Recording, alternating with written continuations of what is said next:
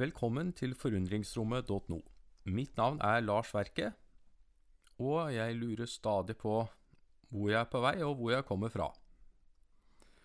Og I denne episoden så skal jeg fortsette å lese fra boka 'Himmeljorden' av Per Ingvar Haukeland. Og vi er nå kommet til kapittel én, som har tittelen 'Et utvidet kvekervitnesbyrd'. Vær forbilder Vær eksempler i alle land, alle steder, på øyer, blant andre folkeslag, hvor dere enn kommer, at deres væremåte og livsstil kan forkynne blant og til alle slags folk.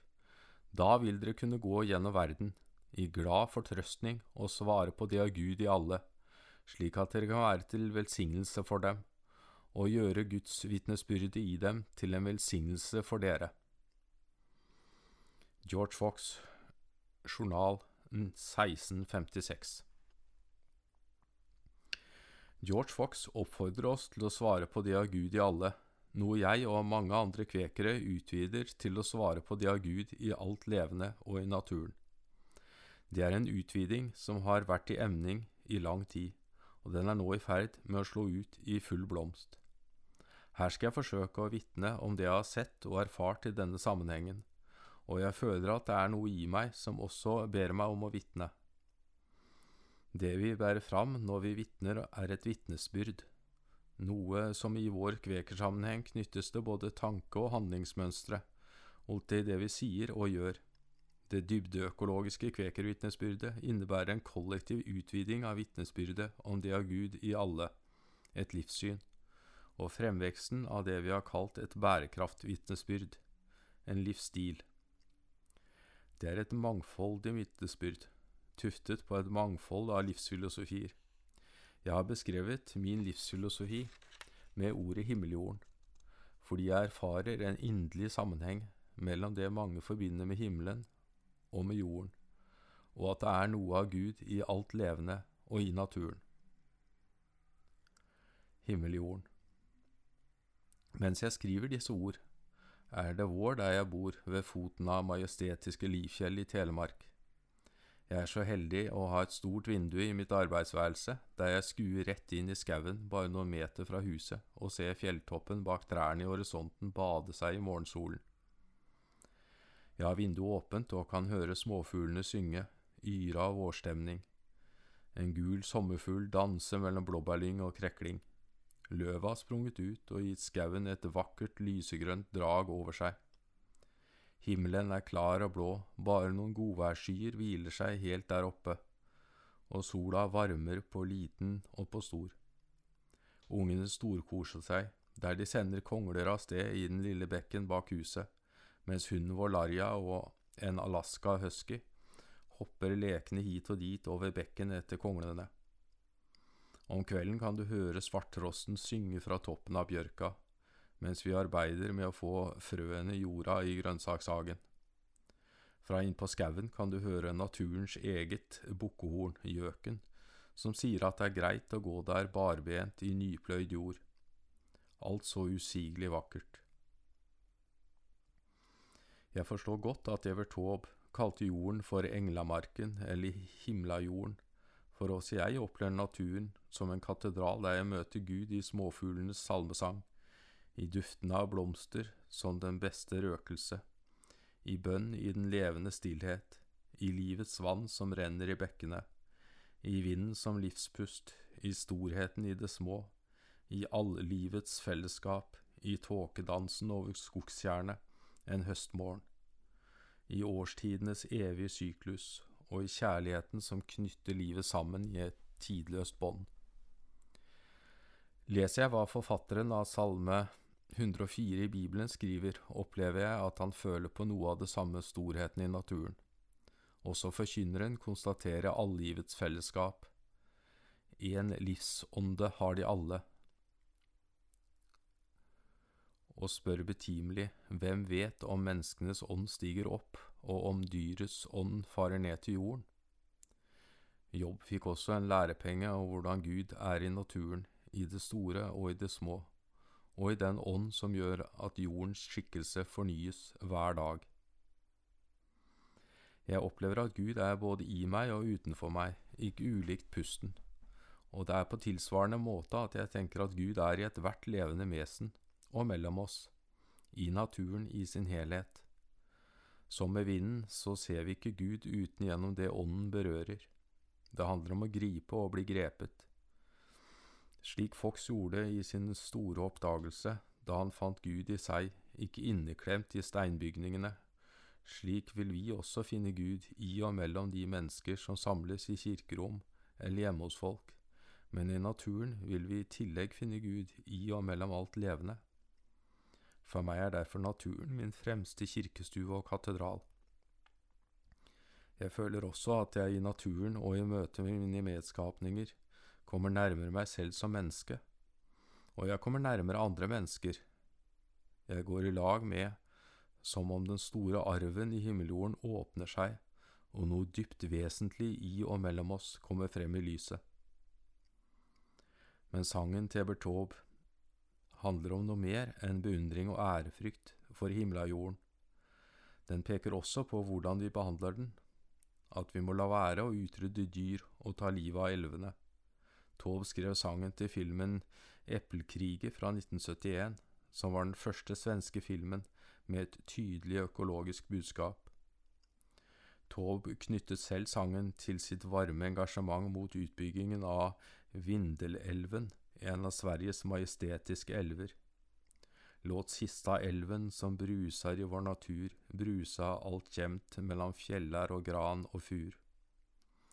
Den beskriver hvordan jorden er mer enn vårt ytre miljø, den er vårt felles hjem, noe vi har arvet, og som vi må gjøre alt vi kan for å ta bedre vare på, for livet på kloden i dag og i framtiden. Jeg tror vi må åpne våre sinn og våre hjerter for det av Gud i naturen og svare på det av Gud i ethvert levende vesen. Kvekeren Joanna Bower sa det så fint i 1995. Vår tro på det av Gud i alle, tolket som i alle mennesker, må vel være for smalt, og vi trenger å akseptere at alt liv er ett, og at det i virkeligheten omfatter også steiner og den rennende bekken. St. Francis erkjente dette, men det er bare så vidt vi bryr oss om det. Bauer viser til Frans av Assisi, som skrev det som er kjent som Solsangen så tidlig som rundt 1225. Følgende utdrag fra denne sangen gir et godt bilde av det åndelige slektskapet i naturen. Lovet være du, min Herre, med alt du har skapt, særlig Herre Bror solen som gir oss dagen, og de gir oss lys ved den. Og den er skjønn og stråler med stor glans. Av deg selv aller høyeste er den et avbilde. Lovet være du, min Herre, for søster og månen og stjernene. På himmelen skapte du dem klare og kostelige og vakre. Lovet være du, min Herre, for bror vinden og for luften og skyene og himmelen og all slags vær. For ved det lar du all din skapning få livets opphold. Lovet være du, min Herre, for søstervannet, som er nyttig til alt og ydmykt og kostelig og vakkert. Lovet være du, min Herre, for bror ilden, for ved den lyser du opp i natten, og den er skjønn og sterk og mektig. Lovet være du, min Herre, for søster jorden, vår mor, som oppholder oss og som leder oss og frembringer frukter og gress og fargerike blomster. Slike oppfatninger av Gud i naturen var utbrent, utbredt blant de kristne mystikerne, slik som Hildegård av Bingen, Hedvig av Antwerpen, mester Eckhart og Jacob Bøhme. Mester Eckhart skriver Every creature is a word of God and is a book about God. Hildegård av Bingen gir kanskje et svar på hva det er for et ord Eckhart snakker om. The word is living, being spirit, all verdant greening, all creativity. The word manifest is every creature. Det er et syn vi skal komme tilbake til i kapittel fire når vi ser nærmere på tankene til filosofen og kvekervennen Spinoza, for det, nært, for det er nært forbundet, slik jeg ser det, til det indre lyset. Selv om det alltid har eksistert en oppfatning om det av Gud i naturen, er det ikke dette synet som har vært gjeldende i utviklingen av det moderne samfunnet. Tvert imot, det er kampen mot naturen som har preget det moderne samfunn. En hovedutfordring vi står overfor, er derfor hvordan vi i det vestlige kultur tenker om og forholder oss til naturen som noe der ute. For det første har vi atskilt det åndelige og det fysiske, slik at naturen oppfattes som noe som består stort sett av objekter, som handler nærmest mekanisk ut ifra hvordan de er programmert. En slik kartesisk, etter Descartes' maskinmetafor, har bidratt til avfortryllingen av naturen. Vi har forsøkt å stenge naturen ute, temme den og gjøre den til slave for vår ikke-bærekraftige livsførsel i Vesten. Ikke bare har vi tatt det åndelige ut av naturen og plassert himmelen et sted utenfor jorden, vi har også forbundet naturen og jorden med syndefall, et liv der sjelen er i fengsel og hvor mørket hersker. Det vi kan håpe på, sies det, er et liv etter døden, fri fra dette livet i smerte og angst. Det er da en stusslig oppfatning av naturen og jorden. Å gjøre seg venn med naturen er å gjøre seg venn med seg selv, for naturen er i oss slik vi er i den. En voksende uro. Jeg bærer på en uro for fremtiden til livet på kloden. Det gjør meg urolig å tenke på hvordan vi behandler våre medskapninger og kloden, vårt felles hjem. Uroen brer seg videre når jeg ser hva dette gjør også for forholdet mellom mennesker. Jeg er urolig for de økende nasjonalistiske tendensene og innvandringsmotstanden i europeiske land, også i Norge. Høyreekstreme krefter vokser i Europa ved flere valg, og det reiser spørsmål om hvorvidt politikken blir en del av løsningen eller en forsterkning av problemet. Det foregår samtidig en militarisering, og jeg er redd for en økning i voldelige konflikter, kriger, sosiale forskjeller og brudd på menneskerettighetene som et resultat av endringer i livsgrunnlaget på kloden. Slik Nobels fredskomité har vist de senere år med sine tildelinger til annet Shirin Ebadi, Wangari Matai, Muhammed Yunus, Gramin Bank, FNs klimapanel, Al Gore, henger de tre store bevegelsene for en bedre verden snært sammen og er gjensidig avhengig av hverandre. Fredsbevegelsen, menneskerettighets-, sosial rettferdsbevegelsen og økobevegelsen. Det er i god kveketradisjon å ta slik uro på alvor, for det kan komme fra det av Gud i oss som forteller oss om noe vi skal gjøre. Min uro er ikke simpelthen en bekymring, men noe dypere som griper tak i meg og som gjør det vanskelig å sitte helt stille. Jeg opplever det som en skjelving i hjerte og sinn, som om Gud taler direkte til meg om noe vesentlig. Det kan forekomme hvor som helst og når som helst, i hverdag og i andakt, så lenge jeg er åpen og til stede. Uroen jeg kjenner på, kan heller ikke forveksles med ufred, fordi jeg erfarer at det er Gud som har plantet den i meg. Det er vanskelig å forstå og enda vanskeligere å etterleve, men jeg føler at jeg er på veien til å gjøre noe for å forhindre trusselen mot livsgrunnlaget, føler jeg at det jeg gjør er sant og ekte og det gir meg en inderlig fred og dyp glede, selv om det kan blåse kraftig rundt meg. Vi venner trenger å skjelne hva som er åndens ledelse for oss der vi er, og hva vi konkret kan gjøre. Uroen er både plagsom og hjelpsom. Den lar meg ikke fullt og helt slappe av så lenge livet på kloden er truet, men gir meg også krefter til å gjøre noe med det. Uroen er på denne måten ikke ulikt det kinesiske ordet Vei, som ofte er oversatt som krise. Det kombinerer vei, som betyr fare eller trussel, med gi, som har flere betydninger. En av dem er mulighet. Ordet vei kan da brukes om en krisesituasjon hvor man må være spesielt varsom, men som samtidig kan være starten på noe nytt. Slik håper jeg det også kan bli i forhold til den globale økokrisen. Det skjedde noe spesielt i 2006 som gjorde at uroen slo ut i full blomst. Jeg har vært aktiv i den dybdeøkologiske bevegelsen i flere år, spesielt etter at jeg traff filosofen Arne Næss i 1990. Blant annet har jeg vært med å etablere flere økosofiske fora i Norge og sammen med fem familier et dybdeøkologisk samtun på Meheia.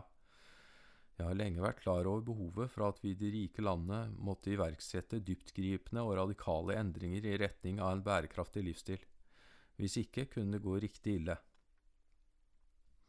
Jeg var klar over at de globale endringene får lokale uttrykk. Jeg erfarer selv endringer i det lokale økosystemene på stedet der jeg bor. Jeg, vi ser større variasjoner i klima. Det ene året kan det være mye snø, det andre lite. Det ene året kan det være tørke, det andre oversvømmelser. Våren kommer tidligere og tidligere, og frukttrærne blomstrer, men kong vinter kan slå tilbake med noen frostnetter langt ut i mai, og dermed kan en hel fruktsesong stå i fare.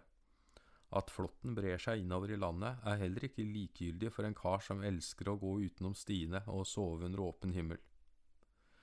Hvor ille det kunne bli, hadde jeg nok fortrengt eller ikke tenkt nok på før sommeren 2006. Da kom jeg i snakk med min kusine som er klimaforsker og en del av FNs klimapanel. Hun formidlet alvoret i situasjonen med klimaendringene, noe som gjorde at uroen vokste i meg. Senere i det året så jeg filmen til Al Gore, An Inconvenient Truth, som også formidlet alvoret i situasjonen på en god måte. Samtidig var det et lys i mørket. I august 2006 var jeg sammen med den amerikanske kulturøkologen og initiativtakeren David Abram, den engelske Gaia-vitenskapsmannen Stephen Harding og den norske økopsykologen Prespen Stoknes på en tur i majestetiske Innerdalen. Alle er vi tilhengere av dybdeøkologien, og med et ønske om å bringe Arne Næss sine gode tanker videre. På dette stedet, der Arne Næss skrev sine første dybdeøkologiske tekst i 1965, til støtet for den visjonære og naturvennlige grunneieren som klarte mot alle odds å bevare dalen, etablerte vi Alliance for Wild Ethics. Trass i dette lyspunkt var det uroen som fikk dominere. Den grep for alvor tak i meg da jeg gjennom Stephen Harding ble konfrontert med Gaia-teoriens far, James Lovelocks fremtidsutsikter. Gaia har fått en alvorlig diagnose, Lovelock er mannen som NASA hentet inn tidlig på 70-tallet, da de skulle finne ut om det var liv på andre planeter. Lovelock begynte å arbeide med å finne ut hva som kjennetegner liv på vår planet, og kom fram til at ikke bare biologiske vesener kan synes å være levende, men faktisk kan hele kloden beskrives som en levende organisme.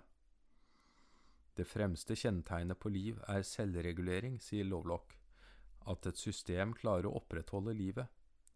Ser vi det i et stort og langt, langt perspektiv, finner vi at kloden i seg selv har slike systemer for selvregulering. Han ble fascinert av dette og ga så navnet Gaia til kloden, som en levende organisme hentet fra Gaia, jordgudinnen i gresk mytologi.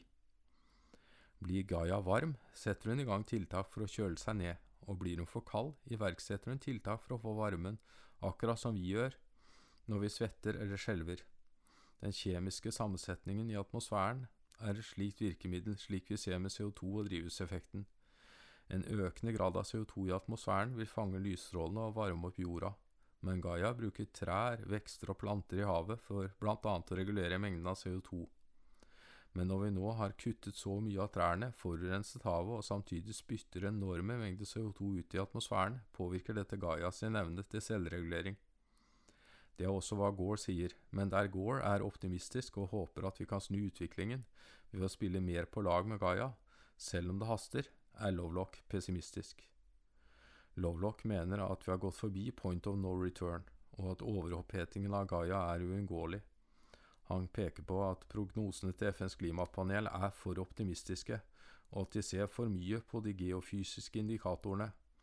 Men hvis han bringer biologien og økologien inn i regnestykket, ser det mye mer alvorlig ut. Han oppfordrer oss til å flytte fra bygdene for å la naturen ta over. For trærne vil være det fremste virkemidlet Gaia har igjen, etter hvert som havene vil ta opp mindre CO2 når havtemperaturene stiger. Han mener at store deler av kloden vil bli ubeboelig, og at vi må vente oss massemigrasjoner fra ekvatorbeltet til polområdene. Men det er ikke nok livbåter til alle. Han, mener vi nå må gjøre hva vi kan for å forberede oss på en ordnet tilbaketrekning til polområdene. Men hvis han har rett, vil det bare føre til økte konflikter, kriger og flere land som vil forsøke å stenge grensene, også med fysisk makt. Han er tilhenger av genmanipulert mat for å kunne brødfø så mange som mulig, og mener vi må ta i bruk atomkraft, for det er ikke tid til å utvikle fornybare energikilder som monner. Det er et forferdelig fremtidsbilde som Lovelock tegner, for om han har rett, vil det kunne føre til så mye konflikter at vi rett og slett kan ødelegge livsgrunnlaget for kloden, og planeten kan utvikle seg til en ørkenplanet. Et slikt bilde kommer ikke fra hvem som helst, for Lovelock er, selv i en høy alder, en svært respektert vitenskapsmann. Likevel tror de fleste vitenskapsfolk at det ikke er for sent å gjøre noe for å snu utviklingen, men det må skje raskt og omfattende, hvis ikke kan Lovelock få rett. Stephen Harding, som arbeider ved Schumacher College i England, og har samarbeidet med Lovelock i en årrekke, er heldigvis ikke så pessimistisk som Lovelock. Han sier at kanskje har Gaia noen hemmeligheter som hun kan bruke for å tilpasse seg situasjonen. De økte syklonene i havet kan være et slikt virkemiddel Gaia bruker, fordi det er med på å røre opp næring til alger fra bunnen av havet opp til overflaten, slik at de kan ta opp mer CO2. Et annet virkemiddel vil være om det skulle bli mer vulkansk aktivitet som skygger for sola, noe som i seg selv vil være forferdelig. Det er uansett en alvorlig situasjon for kloden, og det er ingen tvil om at behovet for drastiske endringer er prekært, sier Harding.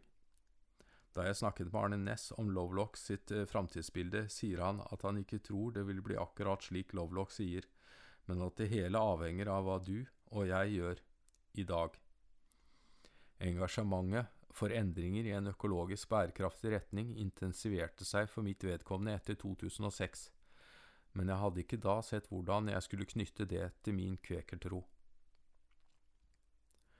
Lysning på Pendel Hill Samtidig som jeg er urolig for de uklare og til dels dystre utsiktene for livet på kloden, ser jeg klart en lysning i mørket som handler om kvekernes rolle i den situasjonen som har oppstått, for å iverksette de endringene som trengs spesielt i de vestlige samfunn. Den lysningen kan jeg datere til 25. november 2007, da jeg befant meg på Pendle Hill, åsen der George Fox hadde sin visjon i juni 1652 om en samling av et stort folk. Jeg var på studiereise til Forests of Bowland Area of Outstanding Beauty for å studere samspillet mellom natur, kultur og menneske, og hvordan landskap kan være en ressurs for økoregional utvikling. Noen av våre engelske venner mente det var rart av oss nordmenn å komme til England for å studere samspillet med naturen. Men det er slik at britene har en lang historie med å tenke helhetlig om landskap de er mer bevisst sammenhenger i landskapet enn vi er i Norge, for vi har så mye fri natur, mens de har svært lite, så det de har, må de ta ekstra godt vare på. Det lokale vertskapet hadde lagt opp programmet, og jeg var ikke klar over at det skulle inneholde en tur til selveste Pendel Hill. På toppen av Pendel Hill fikk jeg anledning til å gå litt for meg selv. Jeg satte meg ned på et sted der jeg følte at George Fox kunne ha fått sin visjon for over 350 år siden. Jeg forsøkte å forestille meg hva han så, ikke bare fysisk, men også åndelig. Han skriver at han så horder, en stor mengde folk, som var i ferd med å samles. Plutselig kom et bilde frem for mitt indre øye av hvordan kvekere overalt begynner å svare på det av Gud, ikke bare i mennesket, men også i ethvert levende vesen og i naturen. Jeg fikk videre et bilde av hvordan kvekere verden over var lys, mønstre og eksempler, og hvordan de bar frem et bærekraftsvitnesbyrd tuftet på kjærlighet til naturen. Jeg så at vi bidro til å revitalisere og forsterke den dybdeøkologiske bevegelsen verden over. Da jeg satt slik, kom jeg på sangen til Evert Taube, Englamarken, og jeg begynte å synge stille for meg selv mens jeg skuet utover det vakre landskapet. Sola kom så vidt frem på en ellers grå himmel. Da slo det meg at det jeg ser for meg at kvekerne bidrar til, er å skape himmeljorden, en verden der menneskene svarer på det av Gud i naturen, og lever i samspill med våre medskapninger. Det føltes ut som om alt da falt på plass for meg, hvorfor jeg først hadde blitt engasjert i dybdeøkologien og så kommet til kvekerne, og at jeg kanskje her hadde funnet mitt kall. I etterkant har jeg hatt min tvil og funnet det vanskelig å beskrive hvordan dette skal foregå. Jeg lurer også litt på hva synet egentlig innebar, om jeg kunne hente fram noen detaljer. Det har ikke vært lett, men det fikk meg til å starte en prosess, både i meg og i relasjon til kvekersamfunnet. Jeg må nok bare akseptere at det tar tid, og skrittene kan synes små. Av og til blir jeg usikker på meg selv og føler at jeg forvilles inn i et indre mørke. Det er så mange skjær i sjøen, og jeg er usikker på om jeg har krefter til å håndtere dem. Likevel føler jeg at jeg går i den riktige retningen, selv om veien er kronglete og vanskelig. Det er som et lys på en fjelltopp. Du kan se det klart på toppen, men terrenget er slik at du ikke klarer å gå rett på det. Du må svinge litt her og der, klatre litt, og kanskje snubler du. Men løfter du blikket, kan du se om du går i riktig retning. Du kan også vende blikket innover og følge det indre lyset, som et indre kompass. Vil det alltid vise deg den retningen som samsvarer med åndens ledelse. Klarer jeg å følge denne ledelsen, som jeg også føler som min innerste vilje, erfarer jeg det som noe dypt gledelig i meg. Jeg tror at et engasjement for himmeljorden kan styrke kvekersamfunnet både innad og utad, men vi må komme sammen for å skjelne hva vi, individuelt og i fellesskap, må gjøre. Det var første kapittel i boka til Per Ingvar Haukeland. Da fortsetter jeg med andre kapittel i neste episode. Tusen takk for at du hørte på, og velkommen tilbake til forundringsrommet.no. Ha det bra!